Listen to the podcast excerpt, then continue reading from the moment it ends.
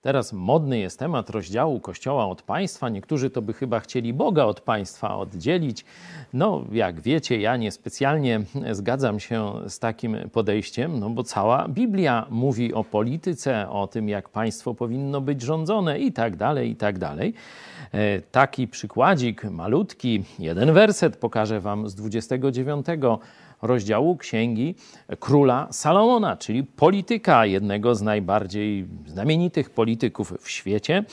E, jak on ocenia, czy władza podoba się Bogu, czy jest pobożna, sprawiedliwa, e, a jak poznać, że władza jest bezbożna, grzeszna, niesprawiedliwa. No, bardzo prosty test, zobaczcie.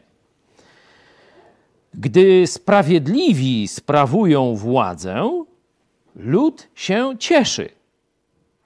Lecz gdy rządzą bezbożni, lud wzdycha. Opinia ludzi. Oczywiście wiemy, że są różni ludzie, lepsi, gorsi i tak dalej. Ale jeśli ludzie pobożni i sprawiedliwi sprawują władzę, to społeczeństwo nawet nie za bardzo wierzące, nie za bardzo pobożne i tak dalej, będzie wiedziało: O, jest mi dobrze pod tą władzą. To jest sprawiedliwa władza. Ta władza nie marnuje naszego potencjału, ta władza nie uciska nas, ta władza nie rządzi głupio.